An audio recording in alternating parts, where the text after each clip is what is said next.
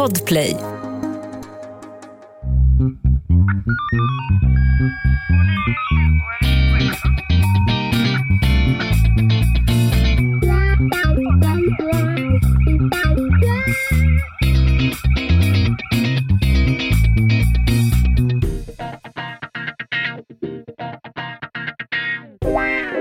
Välkomna till krimpoddarnas krimpodd Över min döda kropp med mig, Anna Jinghede och... Lena Ljungdahl är också här. Mm, vad härligt. Mm. Och då är det som det ska vara. Ja, det är det. Det är det. Hur mår du, Anna Jinghede? Jag mår... Alltså faktum är att nu när vi drog igång podden då kände jag glädje komma till mig. Och lite mer Livslust. pigma.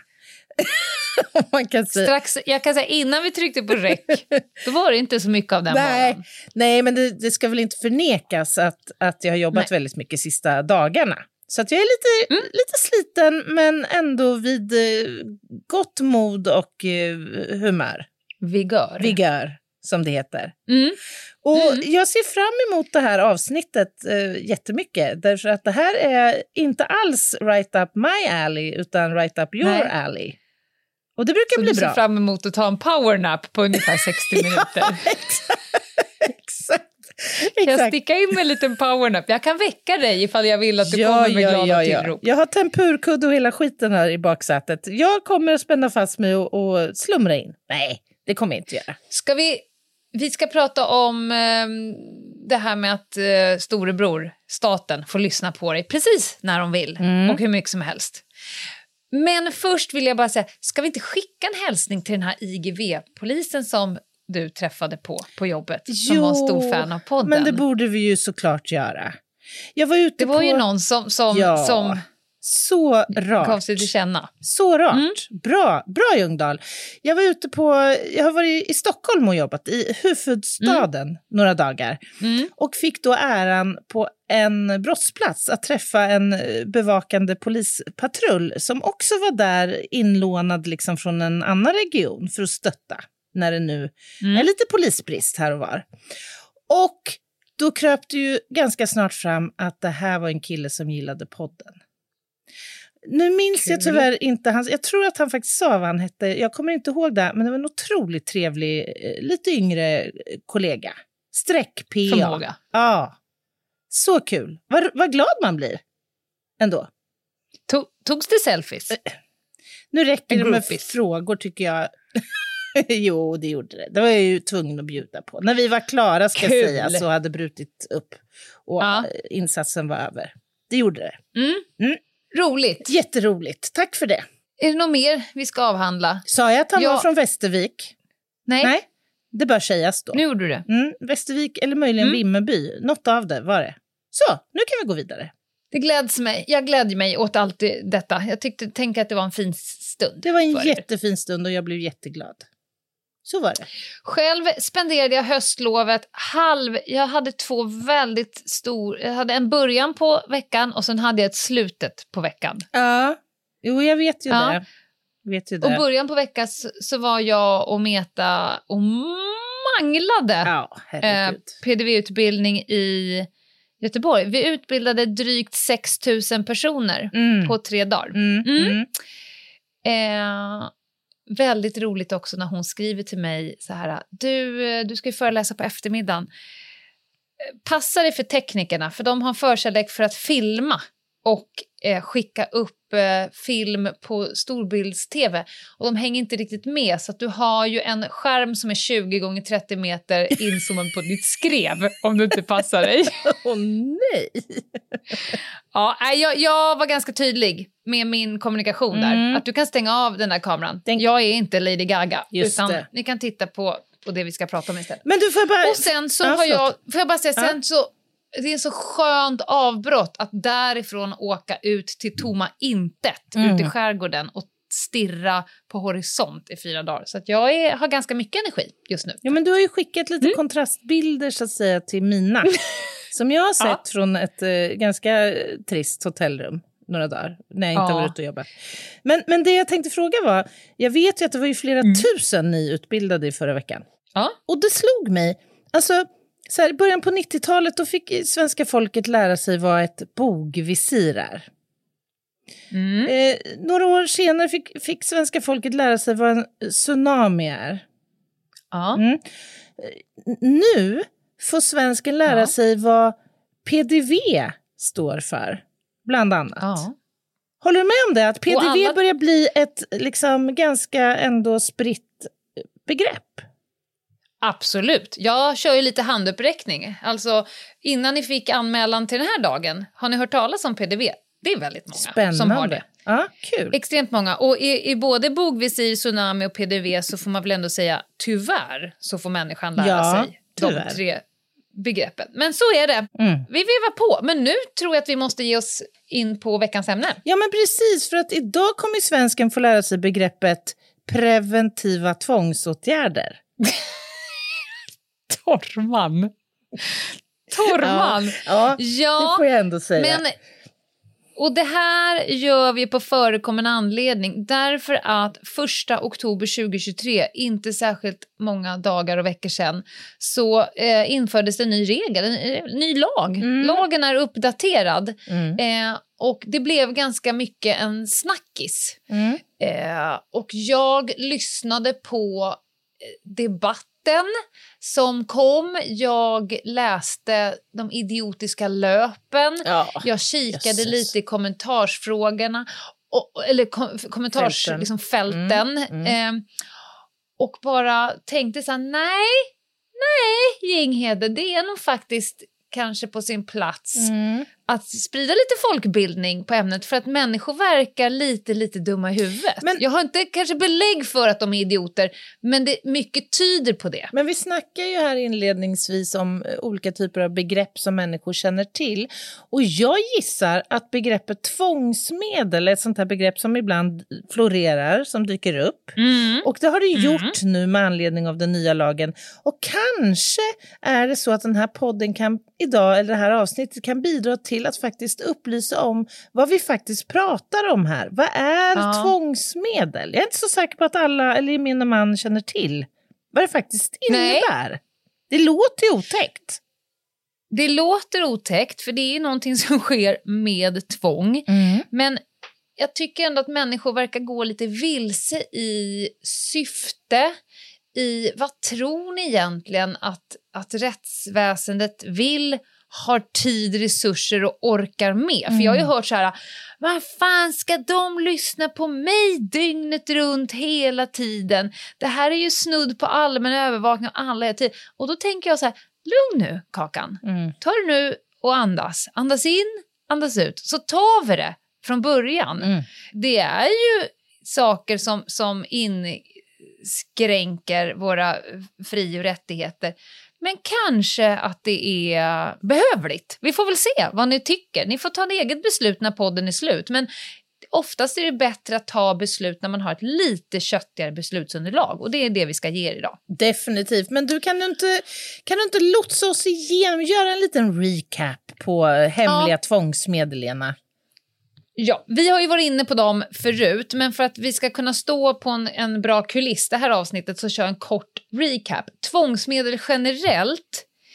Vi kan säga så här att vi är ju skyddade. Man får gå, stå, tycka, tänka, vara eh, vad man vill. Eh, ingen människa kan liksom eh, pressas in i ditt hem. Eh, då kan det bli hemfridsbrott till exempel. Ingen kan eh, flytta på det utan att det vill. Det kan bli människorov och så vidare och så vidare. Vi är liksom fredade mot det. Men Polismyndigheten med flera skulle jag säga, även tullen och för viss del även ordningsvakter, säkerhetspolis. Det finns några sådär som har monopol på att faktiskt överträda dina fri och rättigheter. Mm. Och, och det, det brukar man kalla för de straffprocessuella tvångsmedlen, alltså att de som knyts till brott. Och, och de har vi pratat om tidigare, vi kommer säkert komma in på dem, men det finns ju andra tvångsmedel, de hemliga, om vi tänker bes- beslag, kroppsvisitation, alltså att man muddrar dig för att leta efter en kniv eller knark eller något sånt där. Mm. Eh, husransakan, att någon tar beslut om att man faktiskt går in i ditt hem fast du inte vill det och letar efter saker eller efter personer. Kroppsbesiktning, att man tvingar dig att kissa i en burk eller ta blod eller hår ifrån din kropp Mm. till exempel. Men så har vi också de här hemliga tvångsmedlen. Det första jag vill säga är att de är inte särskilt hemliga. Det är inget hittepå. Det finns inte eh, hemliga tvångsmedel som du, eh, alla människor som lyssnar faktiskt kan läsa in på jävligt mycket. Men det orkar inte folk. Nej. Utan de Nej. drar åsikter ur hatten. Mm. Och då tänker jag så här, kanske du bara hade kunnat öppna lagboken, bläddrat fram till rättegångsbalkens 27 kapitel. För läskunnig är vi ju de allra flesta. Där står de ju rakt upp och ner och vad som krävs för varje. Men folk orkar inte ta reda på det utan man bara tycker att det här är förfärligt. Ja, men när, vi lever ju i någon slags faktaresistensens tid. Det gäller Ja. ju inte bara Ja. det här, det gäller ju pågående konflikter och en massa annat. Folk har inte tid, lust eller ork Nej. eller vilja att faktiskt läsa in sig på vad... Men de har tid att tycka jättemycket. Ja, det, det verkar också vara något som ligger i, i tiden så att säga. Och, Och de har också kombo, tid att känna sig, säga. Ja, de har också tid att känna sig kränkta jättemycket. Antingen för sin egen del eller så tar de någon annans Kränkma. kränkma. Ja. Ja, ja. det är fascinerande. Men jag skulle säga så här, det heter ändå hemliga tvångsmedel och det gör det av några olika anledningar, eller kallas för det. Det är ju för att de är ju hemliga för den som utsätts för dem. Det faller lite på sakens rimlighet. Om jag skulle vilja ha telefonavlyssning på dig, Anna Inghede, så säger jag till dig att från och med tisdag klockan 10.50 så kommer jag lyssna på din telefon. ja, Eh, då, det då verkar lika lite kon- kontraproduktivt på Mm. något vis. Så att de är ju hemliga för den som utsätts för det. Och det som också är hemligt och som jag aldrig någonsin, ni kan koppla upp mig till ett bilbatteri. Jag kommer aldrig någonsin avslöja hur det går till. Alltså hur man eh, gör telefonavlyssning eller hur man monterar teknik och så. Därför att det ska ingen veta. Absolut Det är inte. polisens metodik och den är man rädd om och det ska man vara och det är inte för alla och en var. Men det som finns kommer vi att prata om i den här podden och då finns det några tvångsmedel, hemliga, som jag tänker bara repetera lite snabbt. Mm. Telefonavlyssning, det är lätt att förstå. Det är ju alltså att man avlyssnar kommunikation som går elektroniskt. Rent krast så hör jag telefonsamtal, kan läsa mejl, se överföring av datorfiler. Man kikar på kommunikation som överförs elektroniskt mellan en eller två eller flera personer. Mm. Det kallas också för HAK. Mm. Sen har vi höken som är hemlig övervakning av elektronisk kommunikation.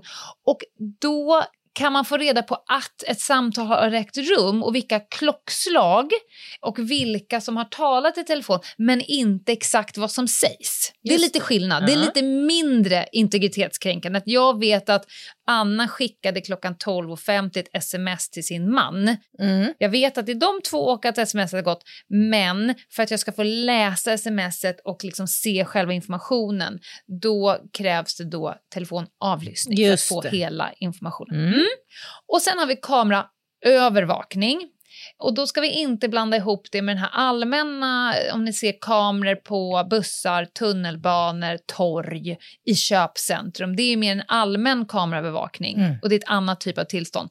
Utan det här är att en person övervakas med kameror eller fjärrstyrda tv-kameror. Man kan smygfilma en plats där den misstänkte kan antas dyka upp eller eh, ett brott, där ett brott har begåtts.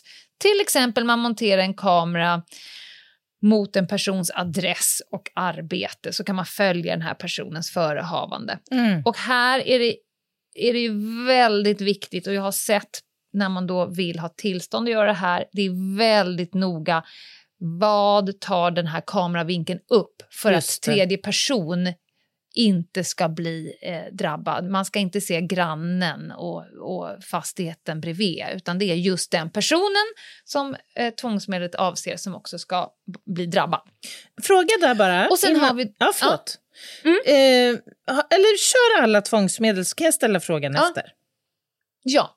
Vi har också rumsavlyssning eh, och den är ju den mest integritetskränkande, det är ju, säg att, att jag hör allt du säger hela tiden därför att jag har satt en, en sån buggningsutrustning, en dold teknisk utrustning i ditt hem, i din bil. Alltså, så att jag, det, det, räck, det hjälper inte att du är fan och pratar på telefonen utan du får nog eh, stoppa in en strumpa i munnen på dig själv. Mm. Och då ska jag säga så här, det krävs ju olika mycket mycket för att få de här tillstånden och det krävs eh, när det är rumsavlyssning som är det mest integritetskränkande, då är det liksom högre straffvärde på brotten. Just. Du kan aldrig få rumsavlyssning för att någon är misstänkt för ett snatteri nej, nej, eller precis. en ringa misshandel, utan vi pratade om riktigt, riktigt grova brott. Mm. Och så är det fallande skala därifrån. Nu hade du en fråga. Ja, har jag drömt att det finns ett eh, hemligt tvångsmedel som heter typ hemlig dataavläsning? Eller motsvarande? Nej, det har du inte drömt. Det, det är ytterligare ett. Okej. Okay. Och då monterar man liksom teknik i så att man kan läsa av datorer okay. in i appar. Man liksom går in på... Det, är de som är duktiga på koda som ger sig på ja. de där grejerna. Det är när de andra fyra inte kan säga räcker till. Och, och det, här, det är det nyaste också. Därför att eh, tekniken går så mycket framåt så att vi har lagstiftning och tvångsmedel som inte ror på den typen av kommunikation som människor har nu med mm. allt från att man kommunicerar på krypterade ja, appar mm. till jag menar, man måste kunna läsa både IP-adresser och IMI. Alltså det, det, kommer hela tiden ny teknik och då måste... Så den där sista hemlig dataavläsning är då den senaste in mm. i, i leken. Mm. Mm. Ja, va, vilken bra recap. Nu är vi ju supernyfikna på den nya så att säga, kråksången. Eh, och, och ja. Det ser vi fram emot att få höra jättemycket om efter pausen. Ett poddtips från Podplay.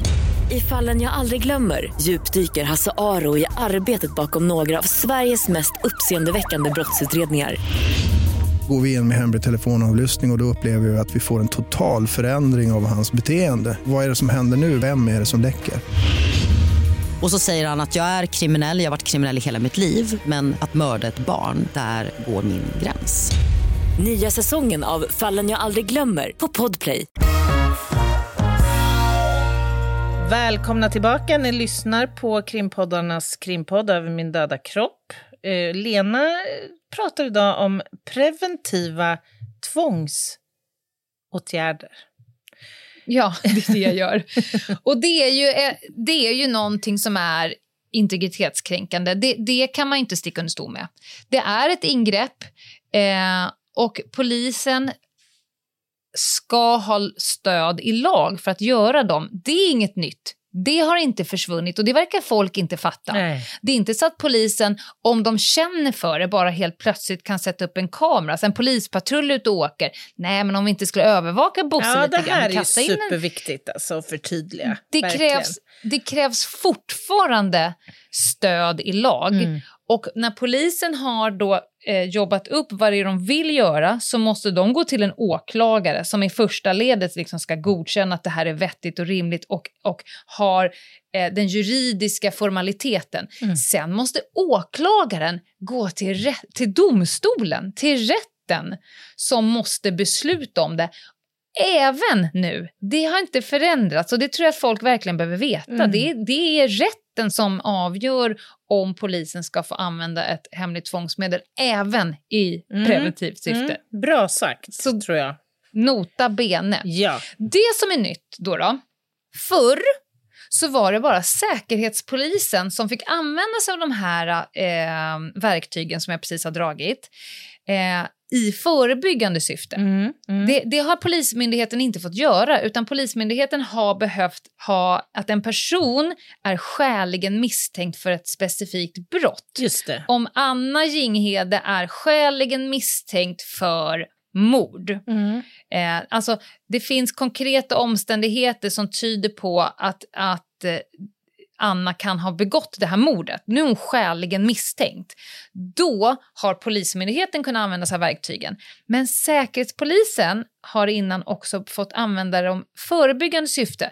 Alltså när utredningen inte har kommit så långt att en person kan eh, vara, eller att en person inte är skäligen misstänkt för det här brottet så har Säkerhetspolisen ändå fått använda sig av samma hemliga tvångsmedel för att förhindra och upptäcka Mm. Och då eh, jobbar man mycket mot rikets säkerhet. Alltså för att förebygga, upptäcka och förhindra terroristbrott och spioneri så har de fått använda hemliga tvångsmedel i förebyggande syfte. Ja, och, och nu... Jag, ja.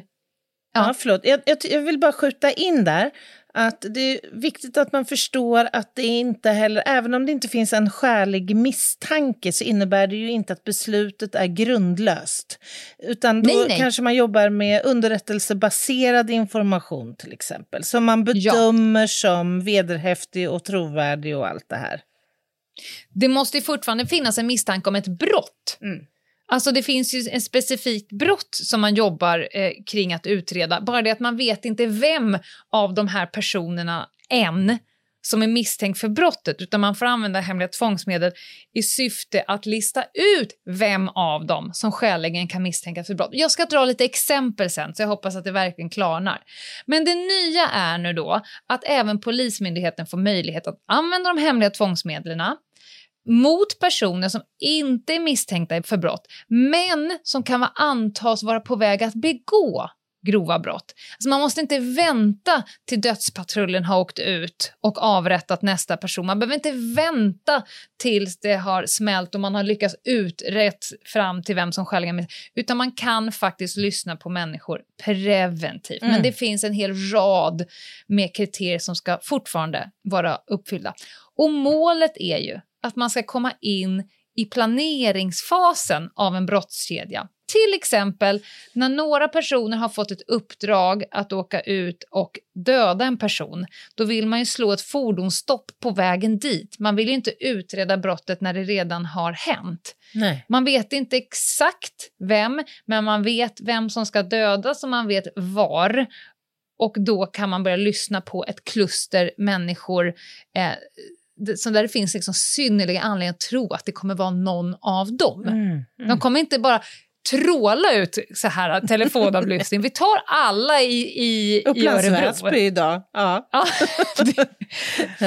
och ett annat syfte och ett annat, eh, en annan förändring det är brottskatalogen, hur ska jag förklara den? Eh, Oj, den... Mycket lagar är kopplade till vissa brott. Alltså för att få göra eh, hemliga tvångsmedel så finns det liksom en lista. Det finns en katalog att du får bara göra mot de här typerna av brott. Och då brukar det vara mord, eh, spioneri, eh, allmänfarlig ödeläggelse mm. och sådär. Det finns inte med snatteri, ringa misshandel, ringa narkotikabrott därför att då ska man inte hålla på med hemliga tvångsmedel. Och den här brottskatalogen har utvidgats. Mm, så det är Den flera brott då som kan bli aktuella? Fler mm. brott. Mm. mm. Det är fortfarande i den grövre kategorin, men det är fler olika typer av brott som har hamnat i brottskatalogen. Det här gäller ju också när det är inom förundersökning. Det är samma sak så när man har någon som är skäligen misstänkt för ett brott så även den brottskatalogen större. Så du får använda hemliga tvångsmedel för fler personer, alltså för fler olika typer av brott, ska, även om de är skäligen misstänkta. Jag ska bara göra mm. ett litet förtydligande där för nytillkomna lyssnare. Alltså är man skäligen misstänkt då kommer man ju att använda sig av dessa tvångsmedel inom ramen för en förundersökning. Till skillnad ja. då från om man jobbar förebyggande eller i syfte att jobba upp en skälig misstanke, då är det innan en förundersökning har inletts. Mycket bra. Det, det, ibland så tänker vi att ni vet, ja. men det är jättebra att förtydliga. Och det finns ju då krav, alltså det ska finnas en påtaglig risk att det inom en organisation eller en grupp kommer att utövas en brottslig verksam, verksamhet som anges då i den här brottskatalogen. Det ska vara ett av de brotten. Och det kan befaras att en person som tillhör eller åtminstone verkar för den här organisationen eller grupperingen medvetet kommer att främja den verksamheten. Det är de man vill slå mot. Det är de som den här eh, lagen har tillkommit för.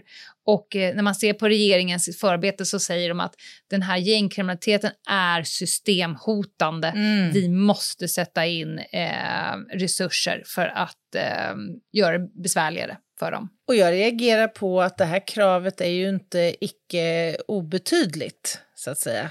Det står Nej. ju faktiskt väldigt uttryckligt vad Mm. som förutsätts. Och Mm. känner man till detta så borde eh, oron och rädslan för att jag själv ska drabbas av detta som en vanlig svenne som går till sitt jobb och sköter sig som Ja. en god samhällsmedborgare eh, minska. Jag, jag skulle också vilja säga att ni ska inte ha en övertro på resursen. Jag som då har jobbat på en sektion inom polisen där vi nästan hade uteslutande hemliga tvångsmedel i alla ärenden. Alltså, jag, jag tror inte vi hade något ärende där vi inte hade eh, minst ett hemligt tvångsmedel.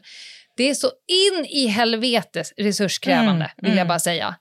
För att ha en telefonavlyssning på en person, då ska du ha... Jag har ju själv suttit på telefonavlyssningen och eh, att jag inte smackar in i väggen. Fan, när du går och kissar, Anna, Mm. när du kommer tillbaka, då tittar du upp på de här sex skärmarna och bara, åh fy fan, det har bara rasat in mm. samtal som du då inte har hört i realtid. Så då ska du efterlyssna på dem Mm. samtidigt som det trillar in nya. Och transkribera ha- vad som sägs. Ja, och så kodar man hur intressant det är och är det någon som ska extra lyssna och sådär. Och sen så ska man också eh, analysera informationen Mm. man får Mm och sen ska man ju använda den, det är själva syftet. Man ska använda den för att avsätta spaningsresurser, göra andra åtgärder. Det, det är enormt. Jag gissar att Polismyndigheten har fått omfördela resurser och kanske nyrekrytera en jävla massa resurser nu när det då man ska använda mer hemliga tvångsmedel, för det är fruktansvärt resurskrävande. Det vet jag inget om. Nu går vi vidare. Pass på kungen. Pass på kungen. Eh, Men alltså får jag fråga, ja. så här, är det här en effekt av en ny regering? Är det en effekt av det förhöjda terrorhotet? Liksom, vad, vad kommer den här efterfrågan eh, av? Jag skulle säga absolut. Det, det vi kunde se det komma. Du och jag har ju kört avsnitt om Tidöavtalet. mm. Och den nya regeringen har ju spänt sin båge rätt hårt och sagt att man har negligerat det här under alldeles för lång tid och nu sätter vi ner foten. De säger att den organiserade brottsligheten är systemhotande och att den gnager på roten till vad som är vår demokrati. Mm, det vill mm. säga tilliten till varandra och till institutioner. Vart är Sverige på väg? Det har aldrig varit mörkare nu. Systemkollaps. Alla de där grejerna som pågår i fikarum och kommentarstrådar runt om. Det är ju förgörande för vår demokrati. Mm, Eh, s- så, och, och de då hävdar ju då att verktygslådan hittills har varit otillräcklig. Sverige är sämst i Europa när det kommer till Mhm. dödligt skjutvapenvåld. Mm, ja, ja. Mm. Så, och, och att samhället och tekniken har, har utvecklats i sån hög hastighet så att mm, man måste gå in och matcha upp det med någonting. Och sen så har det ju såklart inte hjälpt med krig, ekonomikris, terrorhot och eh, Sverige har dåligt rykte utomlands. Det är bara spär ju på så här, känslan av att fan gör något. Mm, mm, Men eh, polisen och åklagarna har ju efterfrågat det här i många år. mm. Och eh, advokaterna har varit kritiska ungefär lika Länge. många år. Och allmänheten, man skulle vilja gå ut och göra en gallup på, liksom, ute på... För att de som man läser på nätet som ojar sig över det här, det är ju mest kritiker, såklart. Mm, mm. De som tycker att det är bra kanske inte går in och, och, och, och skriver av sig. Så man skulle, jag skulle tycka det var kul att göra en liten så här...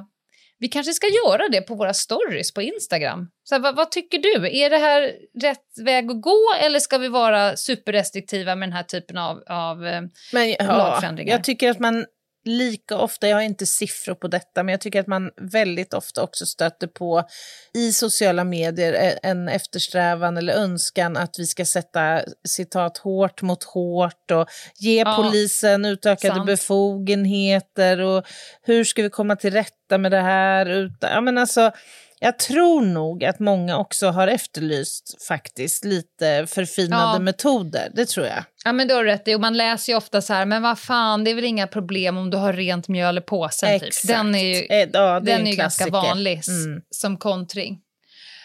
Ja, men eh, det är många som tycker att det verkar lite körigt med, med rättssäkerheten. Jag roade mig och tittade på vilka som det här har varit ute på remiss hos. Ja, ja. Eh, remissinstanserna. Eh, det är 66 stycken Oj. instanser som har haft det här på remiss. Jag bara tar några så att du ska vara Ja, med. Vi har, de, det är roligt att de står i bokstavsordning så jag tar lite här var. Men Amnesty har haft det här på remiss. Oj. Apple, Jaha. Attunda tingsrätt, Barnombudsmannen, Brå, Civil Rights Defenders, Oj. Diskrimineringsombudsmannen känns ju rimlig, Mm. Domarnämnden och Domstolsverket. Google har haft den på Mm, remiss, Mm. Det är klart, Eh, de vi involveras ju såklart såklart. i detta. Vi har Integritetsskyddsmyndigheten, såklart. Mm. Eh, Judiska centralrådet i Sverige, Kustbevakningen, Oj. Migrationsverket, Samsung, så hovrätterna, Journalistförbundet, kyrkan, Svenska muslimer för fred. Du hör, det Oj, är väldigt många som har varit inne och haft det här eh, på remiss. Och sen skulle jag också vilja säga att eh, det sker ju efterkontroll. SINS, Säkerhets och integritetsskyddsnämnden, kör ju efterkontroll på det här. Eh, så, så jag, jag, får jag mana till lite så här l- lugn och ordning? Vi som har jobbat inom rättsväsendet, vi vet ju hur det, det är inte särskilt godtyckligt. Det krävs lagstöd, det ska i flera olika instanser. Fan ta dig också om Mm. det visar sig i efterhand att du, då får du ju kritik Ja, direkt. Och det. Tro mig, är det något ny, någon ny lag som kommer att kikas på, Mm. alltså gav det effekt, blev det rätt syfte, Mm, har mm. använts för mycket, har använts för lite, så är det den här lagen. Den här kommer att kontrolleras. Ja, jag tror tr- jag. jag tror och jag tycker du. det är bra. Ja. Det ska det göra, eft- eftersom det är ett ingrepp.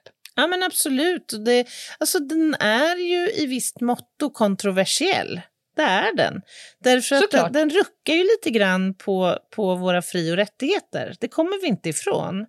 Så det är klart att det bör åtföljas av en rigorös eh, uppföljning och utvärdering. Ja, alltså helst ska det inte behövas, men, men vi har ju hela tiden en, en dragkramp mellan en effektiv brottsbekämpning Ja. och en kollektiv vinst Mm. å ena sidan. Och den andra sidan så har vi den enskilda individens eh, vilja och önskan att vara i fred leva i fred och göra egna val. Jag Mm. menar, när jag körde bil hem idag, då fick jag bara köra 80. Det tycker inte jag är kul.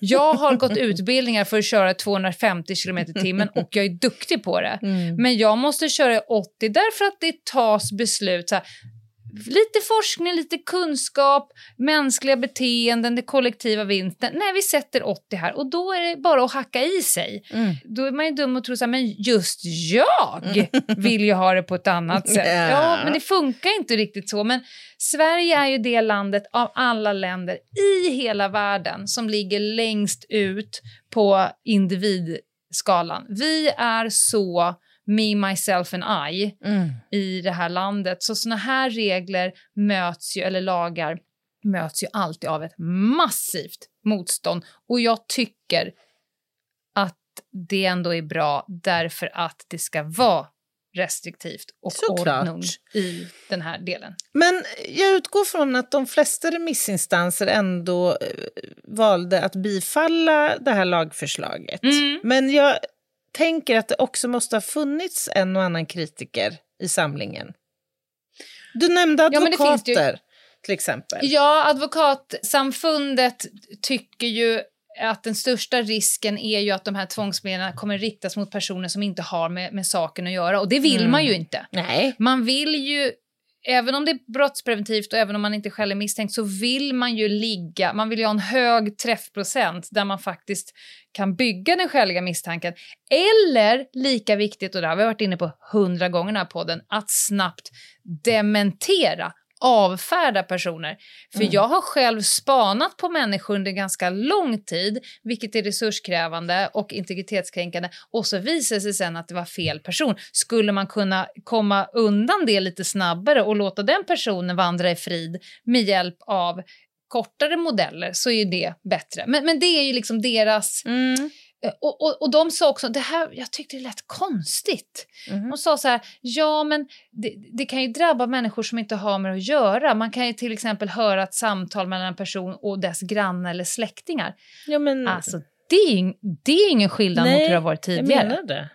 Det har man väl kunnat göra. Om jag har telefonlyssning på dig för att du är misstänkt för ett brott, om du då ringer så kommer jag ju givetvis höra tvåvägssamtal. Jag kommer höra vad den andra Ja, svarar. Så om du bokar en ny klipptid så kommer man ju bara koda det där samtalet som bajs och sen kommer man gå vidare i sitt. Ja, ja, men precis. Bra punkt, tycker Det är jag. inget nytt. Eller bra remark. Alltså, sån här biinformation så som ja, men det du nämner, klipptid eller tandläkartid, det är ju ingen intresserad av. Det är inte heller liksom syftet med avlyssningen att kartlägga Nej. dina orala hygienvanor, så att säga. Nej. Utan det är ju ett annat. Så, och även samtal med andra om helt ovidkommande saker. Det är ju, det är ju nonsensinformation som kommer hanteras därefter också. Mm. Jag vill säga en sak till som jag tror att jag glömde att säga, Mhm. annars får du stoppa mig.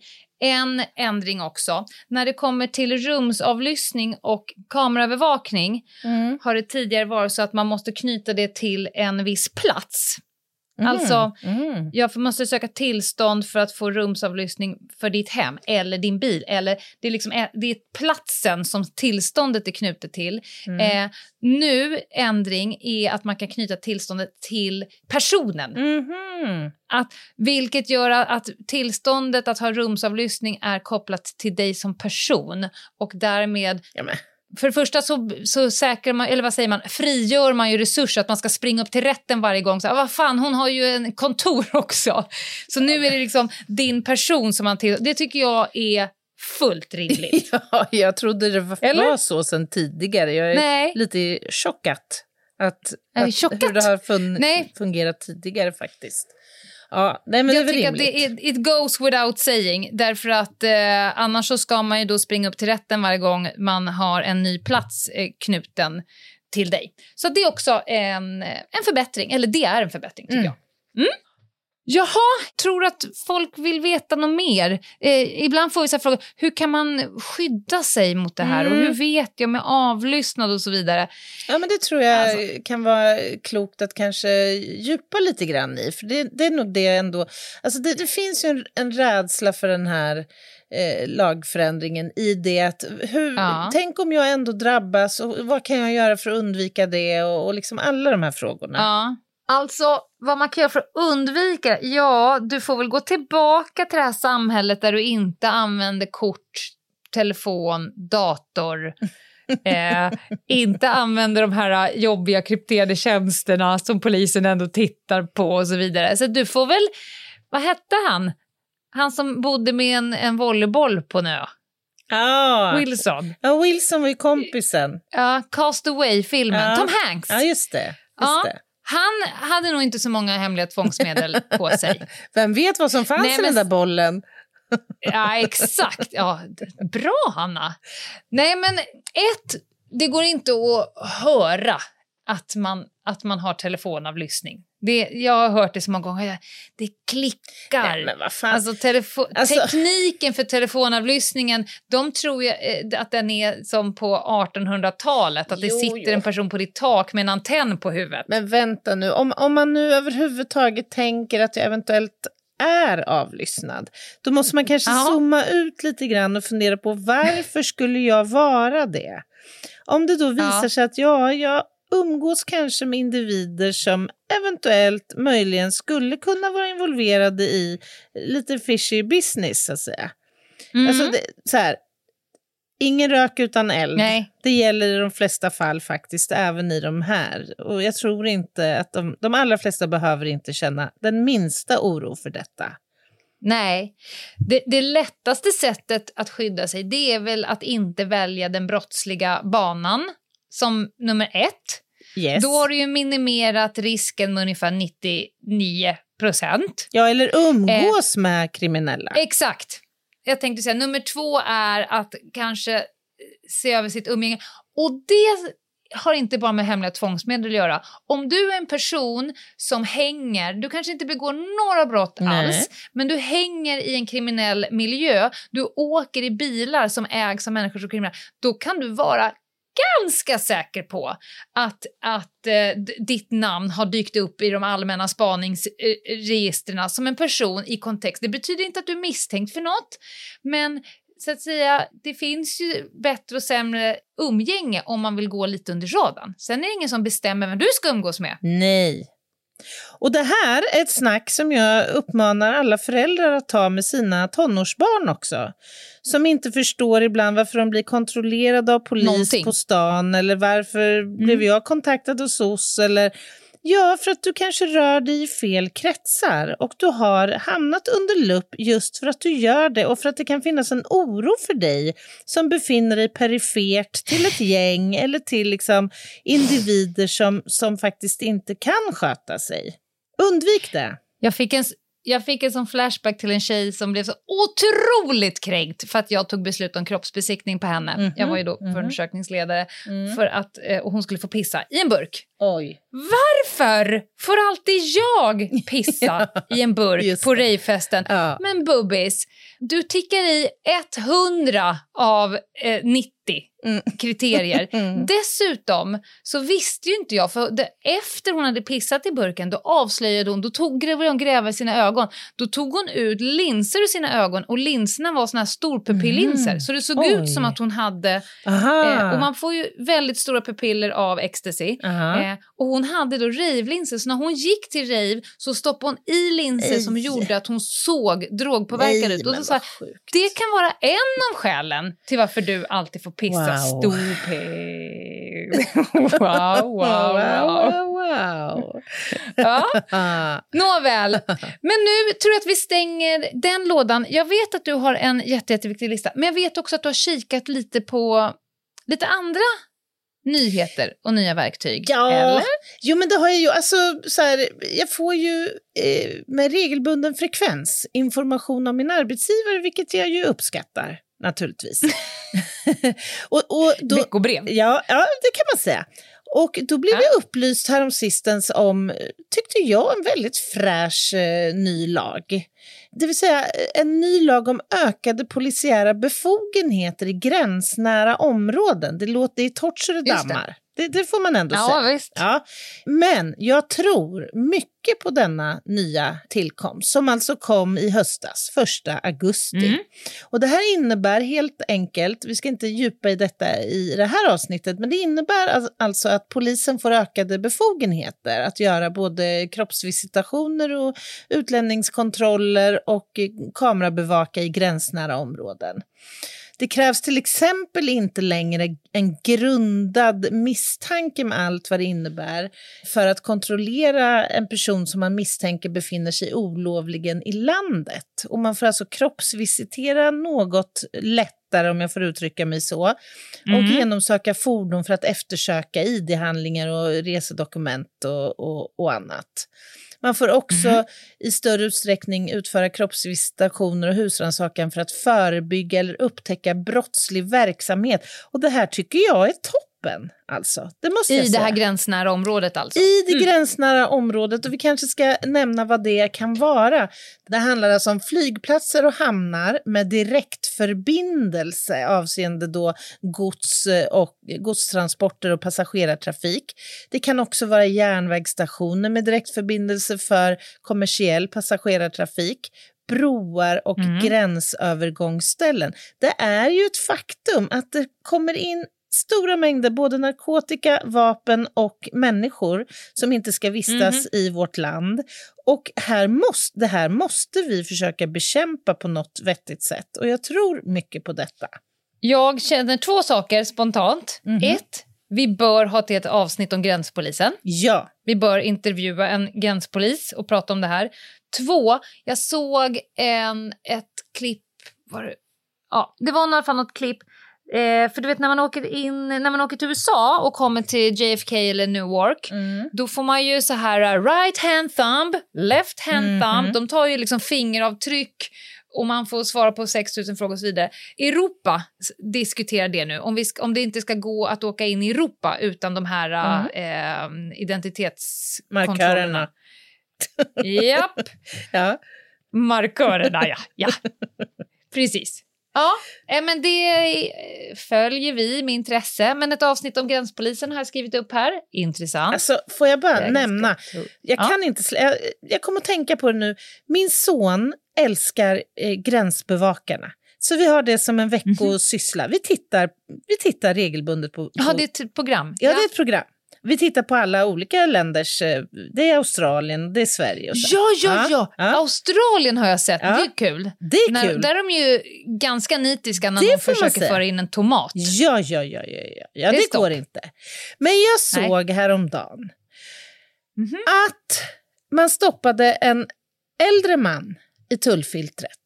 Han kom i en jätte... I Sverige? Ja, i, nere i Malmö. Ja. Han Aha. kom i en jättefin bil. Han såg proper och tillräknelig ut, så att säga. Men, Som det heter. som det heter. Men man, man, det- väcktes en liten misstanke om att det var någonting i lasten här, som, eller någonting med honom som inte... Han var lite nervös och lite sådär. Mm. Då hittar Jaha. man i, i um, kupén... Man profilerade. Jag gott folk, man gjorde det. Ja, Ja. det gjorde man. Då Ja. hittar man alltså först och främst i, i, jag tror att det var det som liksom resulterade i att man ville gå vidare med en fördjupad undersökning. Två eh, små bustelefoner i kupén. Mhm. Burners. Burners alltså. Som man inte använder till så mycket annat än att kommunicera i liksom kriminella sammanhang med. För du kan inte ens spela Snake på den där jävla luren, den är helt värdelös. Och du kanske kan ringa, Hajfen, du ja. kanske kan ringa med den i bästa fall. Kanske. Ja. Mm. I, bak i lasten, eller bak under reservdäcket så hittade man, jag kommer inte ihåg nu om det var 20 kilo eller kanske 30 kilo koffein. Det låg alltså dolt under reservdäcket. Men det var Mhm. koffein. Och någonstans Mm. inne i bilen så hittade man ytterligare 20-30 kilo koffein. Och då kan man ju fundera på, vad ska man med 50 kilo koffein till? Och nu menar du rent koffein, du menar Rent inte koffein. kaffe? Nej. Utblandningsämne? Alltså, för de flesta som har varit någorlunda initierade i liksom, eh, na- knarkhantering och liksom, Ja. skulle ju tänka, ja men det där ska, ju, det där ska man ju stöta ut eh, tjack med. Eller, Ja, Alltså, det- någonting ju- det, det centralstimulerande. finns ja. inget legalt syfte med att köra runt med 50 kilo koffein över gränsen. Och då fick han ju frågor då, vad ska min herre göra med 50 kilo koffein? Ja, Han bara, jag är så trött. jag är så... Är så Du anar trött. inte. Nej, ja, sa han. Jag, jag har fått uppdrag, jag ska åka till Stockholm med det här. Sen ska jag ringa en person i Schweiz som ska tala om för mig var jag ska lämna koffeinet. Men vet du, Lena Ljungdahl? Vi har inte lagstiftning här. Det är inte förbjudet att köra vid gränsen Nej, med det är inte 50 kilo. Nej, jag tror att problemet är att det inte är en hälsofarlig vara ens. Nej, men, Alltså, antingen så är saker narkotikaklassade, det är det ju inte. Eh, sen kan det vara eh, liksom, under läkemedelslagen, Ja, är det inte. eller Kemikalieinspektionens... Ja, eh, och det lindrigaste regler. är ju att man skulle kunna få det till en hälsofarlig vara. Men koffein är nog helt oreglerat. men är det inte bisarrt? Jo, det är klart att det är. Men, ursäkta mig, men från mitt skrå hade man bara ja, ja, ja, ja, absolut. In med koffeinet och gubbjäveln i bilen och sen bara på med spaningen. Ja, I wish. Så får han ta oss till ja, hotellrummet. klockrent.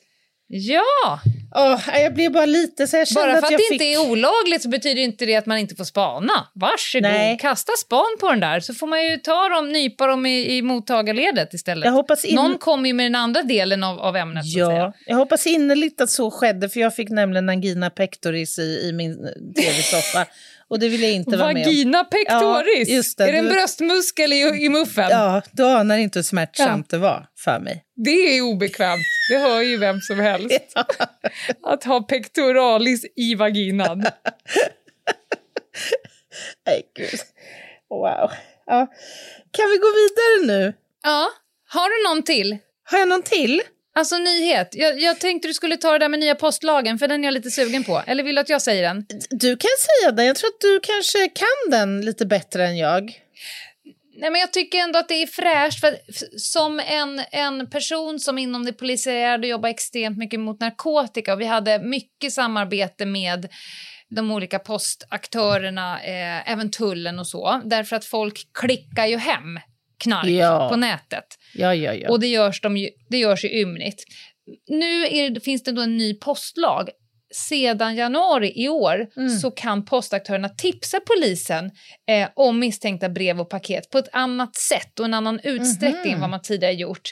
Eh, så nu har polisen inlett eh, liksom ordentliga samarbete med Postnord och möjligheterna att förhindra narkotikahandel över nätet via brev och paket har därmed ökat och man har då gjort många fler knarkbeslag.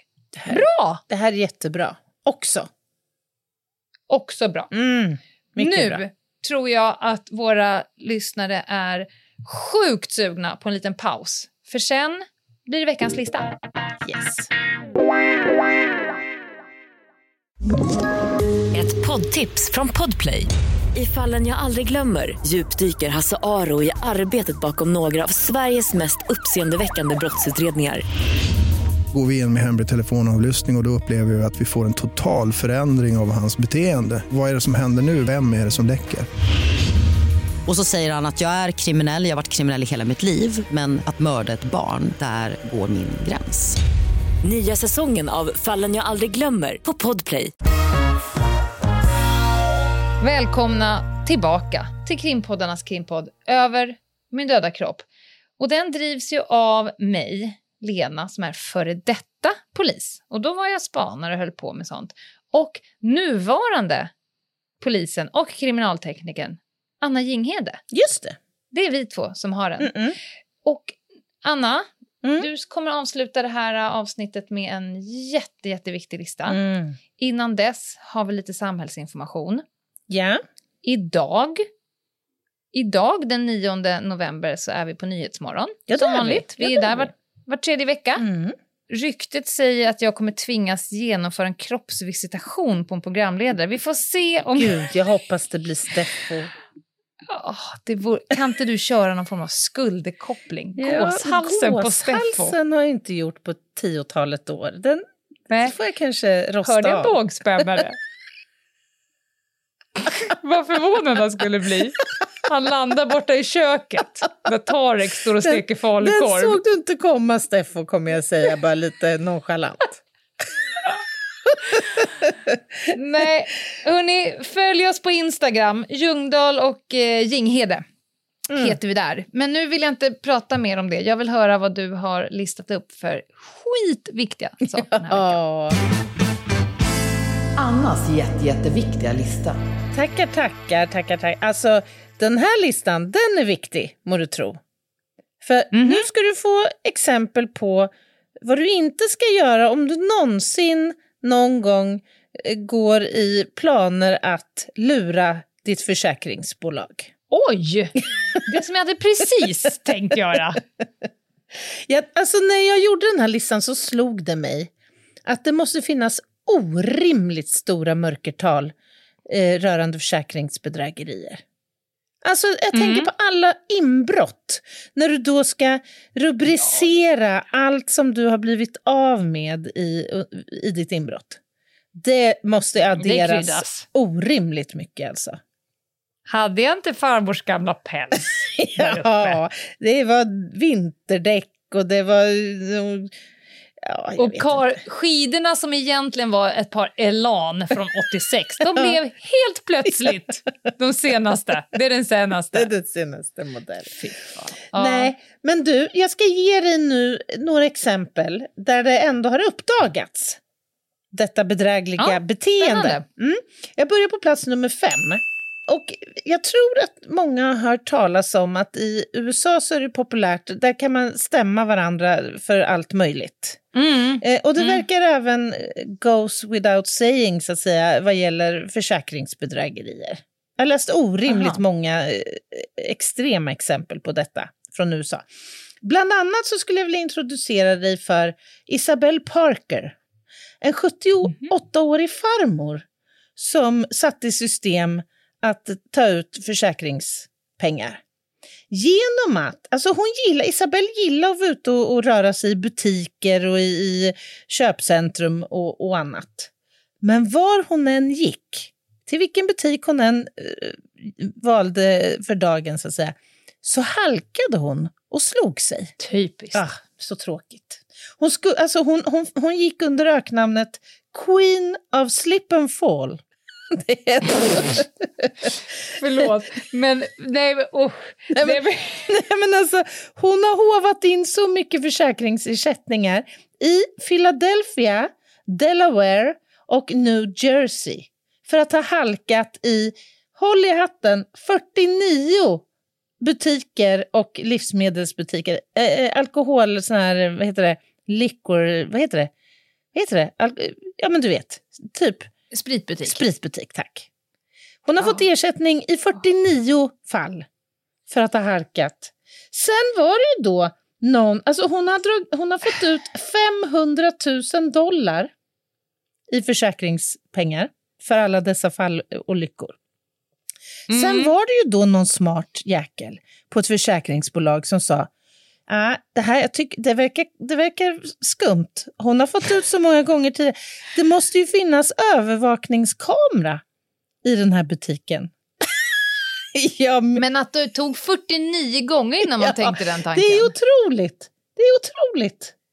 Ah, hon, hon eh, ställde sig i alla fall till slut eh, inför rätta för 16 åtalspunkter rörande försäkrings... eh, Blev hon skadad i- ordentligt i- någon gång? i New Jersey ska jag säga, och 20 i Philadelphia och Delaware. Eh, Men, men blev hon skadad någon gång? Oklart. Framgår inte Hon, av... måste ju, hon kan ju inte lida av osteoporos. Det har man ju svårt att tro. Alltså, eh, hon är ändå 78 år, tanten. Farmorn här. Ja, otroligt. Otroligt. Ja. Så gör inte det där. Är ni gulliga? Nummer fyra, den tycker jag är vedervärdig, plats nummer fyra.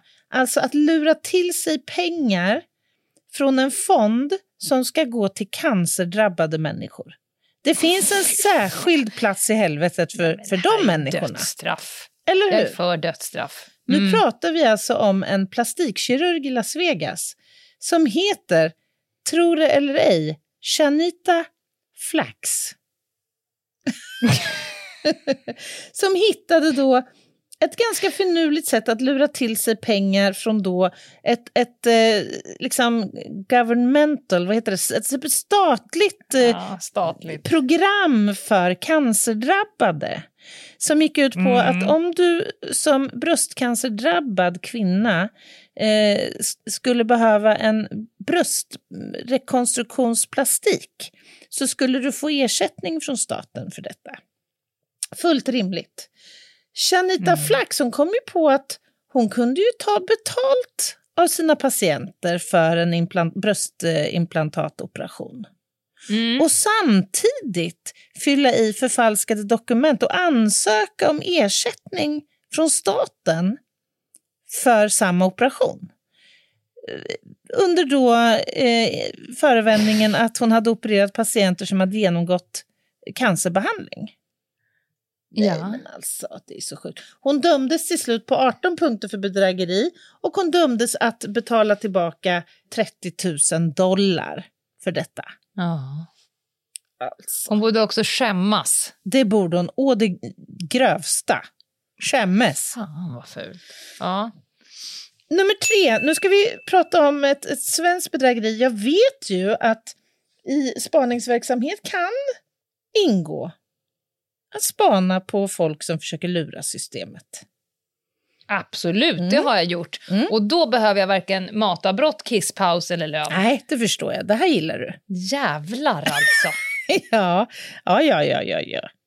Oj, oj, oj, jag har dygnet runt hjälp hemma, jag har liggsår. Nej, din lilla fule fan. Du jobbar varje dag med att bära sallad i Årsta partihallar.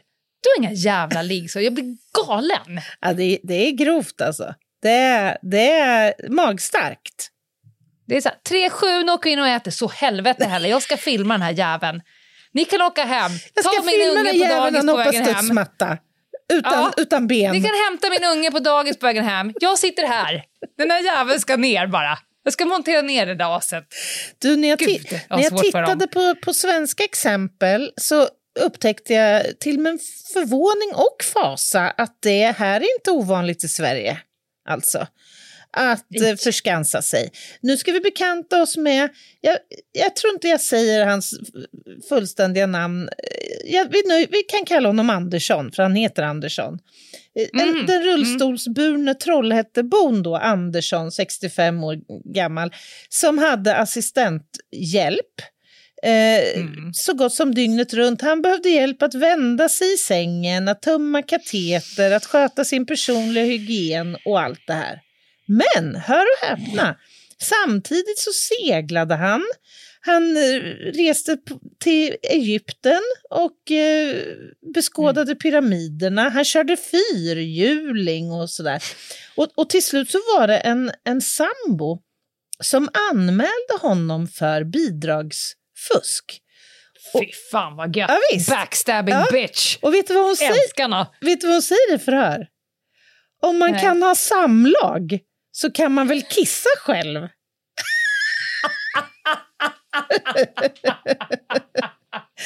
det är ändå, det har ju något, så att säga. Gud! Ja. Han har precis pumpat på henne och sen ska han hasa ut och då ska hon hålla i Roffe medan han kissar. Ja, ja, ja, För visst. att han inte klarar av det själv. Nej, det är så dumt. Alltså, det visar sig tyvärr då att eh, han hade fått med sig sina tidigare partners i de här bedrägliga eh, beteendena. Mm. Så hans förra fru, som var hans personliga assistent, hon var liksom med på det här. Hon blev också åtalad och dömdes även Ja. hon till slut för grovt bidragsbrott.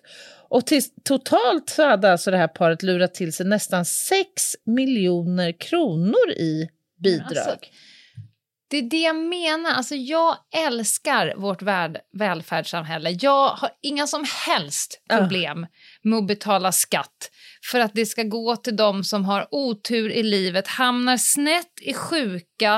Eh, allt sånt där. Absolut. Mm. Det är det som det bygger på. Vi som orkar köttar och sen så eh, får det du behöver för att du ska komma upp och sen så förväntar jag mig att när du är uppe så börjar Mm. du liksom bidra. Men de här jävlarna som suger Ja, ut ja, ja, systemet. Och som också bidrar till att andra inte får den hjälp de behöver. Det är ju det som man hatar. Exakt. Nej, den här flickvännen var ju rådig ändå får man ju säga. Hon förde alltså dagbok när hon åkte då på utlandsresor med 65-åringen och när hon till slut förstod att han fablade hela systemet så gick hon ju Mm. till polisen och gjorde en anmälan och bidrog med att lämna både semesterbilder och sin dagbok till, till polisen. och där så, så hon också, i dagboken så framgår också att Andersson lyfte våra väskor av bandet trots att de var extra tunga och vi gick i timmar bland pyramiderna. Det låter som att han har irriterat fel dam. Det har han gjort, definitivt. Han fick också Jag- tre års jag har- fängelse för detta, ska sägas. Det kan han gott ha. Mm, Jag har ju hjälpt en brittisk advokatbyrå som hade en av sina klienter boende i Sverige. Mhm. Eh, och de betalade ut stora pengar eh, för någon form av arbetsplatsolycka och sen drev han det. Så att han skulle i alla fall få jättemycket pengar varje månad av då ett företag och så gick det via en brittisk advokatbyrå. Mm. hjälpte jag ju till och spanade Ah. på honom i Sverige. Jag ålade längs, för han bodde jävligt eh, jobbigt mitt ute ingenstans i spat Aha. på en åker. Det var svårt att liksom ställa upp Ja, en bil ja, där. kan man Så att tänka sig. jag och en kollega, vi ålade eh, i diket. Aha. Alltså för att komma så pass nära så man sen kunde skicka upp en, en kamera. Och sen så spenderade en hel dag, då gick han och visslade högt, eh, inte så många meter från mig, och så eh, fyllde han på såna här um, 10 liters um, eh? Dunkar, eller? Ah, ah, ah. Så han bar liksom 20 Ja, liter vatten åt gången. oj. Och så gick han runt och han vattnade högt uppe och han vattnade långt ner och han tog lite snedsteg och så vidare. Och jag visste ju inte då vad, vad själva För det har inte jag med att göra, alltså vad han har för sjukdom. Nej, eller nej, vad, nej. Vad, vad, så. Utan jag kunde bara dokumentera att eh, idag har han, då så summerade jag, han måste ha burit så här, två, fyra, sex, hur många liter vatten han gjorde det och så skicka in filmsnuttar och så vidare. Mm, De var ju nöjda efter en dag. Tack! Bra. Han har inte brutit, han ligger inte i gipsvaggan. Nej. Nej, det, Men det gör han inte. Otroligt. Alltså man ens ska behöva lägga resurser på sånt här trams. Ja, men förstå vad de tjänar in pengar Ja. de slipper betala ut Ja, miljoners miljoner Ja, för de där. Ja. Ja, nu ska vi till plats nummer två. Då ska vi prata om Nicolas Di Puma som eh, är, eller var i vart fall, bosatt i Delaware. Som, som försökte på ett mycket påhittigt, tycker jag, bedrägeri. Men han blev, hans fall blev att han var för girig. Han lämnade till sitt... Mm, vill ha mer. Ja, han lämnade till sitt försäkringsbolag en extremt detaljerad historia om en brand i sitt hus. Och det hela hade eh, skett genom att han hade lagat mat på en vedspis, vilket låter ju helt eh, fantastiskt bara det. Vem lagar mat Medeltid. på en vedspis? Ja, strunt samma. När brand då plötsligt hade utbrutit i huset. Mm. Och branden skulle sen då ha spridit sig från denna vedspis till liksom brandfängt material i, i närområdet. Så att det hade börjat brinna i liksom vedträn och eh, köksinventarier och allt möjligt.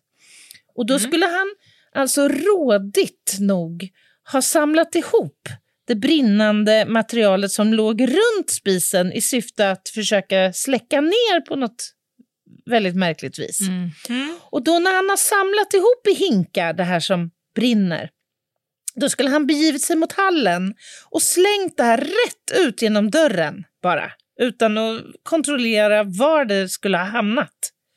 Men det var då han förstod sen att han har slängt ut det här brinnande materialet rätt på sin fina bil som var dessutom en convertible. Typiskt. Ah, det är så typiskt. Så han krävde nu alltså ersättning både för husets skador och för bilen. Men han fick inte Mm. ersättning för något av det. Istället så fick han en femårig villkorlig dom. Fan vad surt. Ja. Men plats nummer ett tar ändå priset av märkliga försök att lura sitt försäkringsbolag.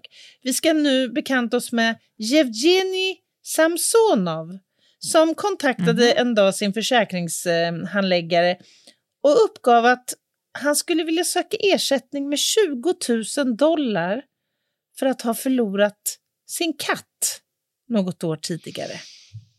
Ja. Och, och han refererade nu till en bilolycka som han skulle ha genomlidit. Och han kunde hänvisa till att i den här olyckan så fick han 3 500 dollar i ersättning för ryggsmärta. Men han hade ju inte anmält att han också förlorade katten i samma olycka. Och hävdade nu att katten dog i olyckan. Och nu vill jag ha ersättning för att ha förlorat eh, livet om katten. Han erbjöds 50 dollar som lite plåster på såren så att säga. Men det nöjde han sig inte med utan nu vill han gå vidare och bevisa att jo men det här är, det är sant alltså att det här har hänt och ni anar inte vad det är jag har förlorat här, min käraste vän, min katt. Så han eh, återkommer till försäkrings... Men det är väl inte upp till husse att Det värdera kan man katten? tycka. Det kan man tycka. Men han överklagade väl beslutet här nu Ja. om att inte få ersättning. Ja. Så han väljer nu istället att skicka flera bilder på då sin påstådda katt i livet för att liksom verifiera att han har, jag har haft katten, han har funnits, Ja, men så här såg Var han frågan ut. huruvida han hade en katt eller var frågan huruvida en de- katt var värd mer än 50 dollar? Ja, alltså de köpte väl de antagligen tre inte spänn på historien. Blocket. Ja, exakt. Ja. Det, det Ja. var bara det att försäkringshandläggaren bildgooglade då bilderna på katten och hamnade på en Wikipedia-sida om katter. Han snott en bild från nätet. och påstått, här är han, min lilla, ja, min lilla... Så ett, han Kissekatt. hade överhuvudtaget ingen Han katt. hade haft och en två, katt. Han, och han krävde en enorm Ja, ja. summa för Han kattskrället. hittade på en katt som man, Åh, ja, Nej, det är så dumt bara. Lägg ner Det känns ju lite så att om, om man nu ska eh, dra försäkringsbolaget vid näsan. bara. Ja, Är katt rätt väg att gå? Jag är det inte tror bättre att säga att jag har tappat en diamantring? Jag- Bara spontant. Ja, ja, ja. ja. Jo, nej men alltså, jo, jo, det är bättre. Om man nu... Jag har ju faktiskt varit som hon, den här, den här arga flickvännen. Jag har ju varit som henne eh, i min ungdom. Asså, Så, har du eh, angivit? så blev... Ja, Har du hållit på med angiveri? Ja, det, absolut.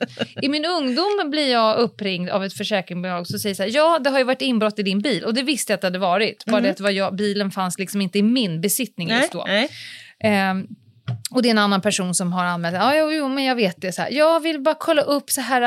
Eh, det saknades ju och sen så var det ju då. Jag fick nämligen en iPod. De här första Musik, musikmaskinerna. Ja, ja.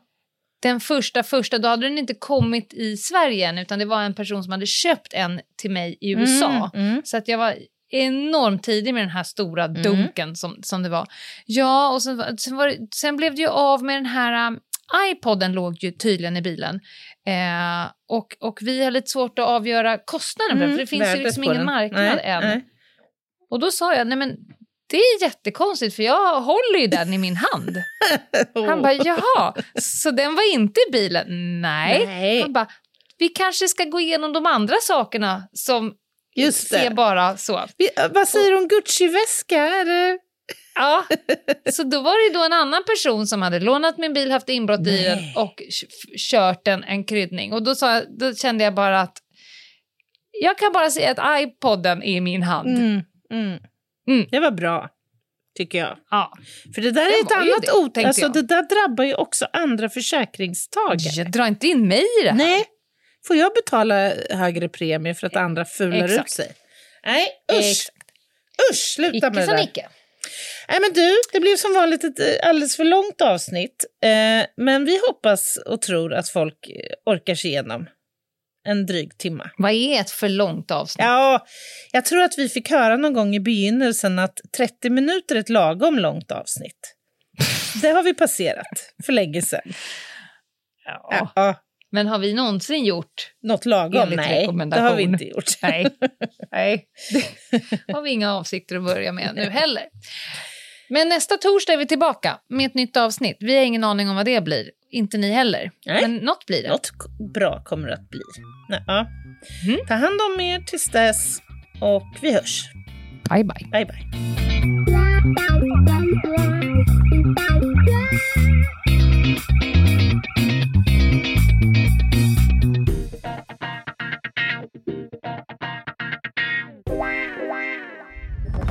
Podplay, en del av Power Media. Ett poddtips från Podplay. I podden Något Kaiko garanterar östgötarna Brutti och jag, Davva, dig en stor dos skratt. Där följer jag pladask för köttätandet igen. Man är lite som en jävla vampyr. Man har fått lite blodsmak och då måste man ha mer.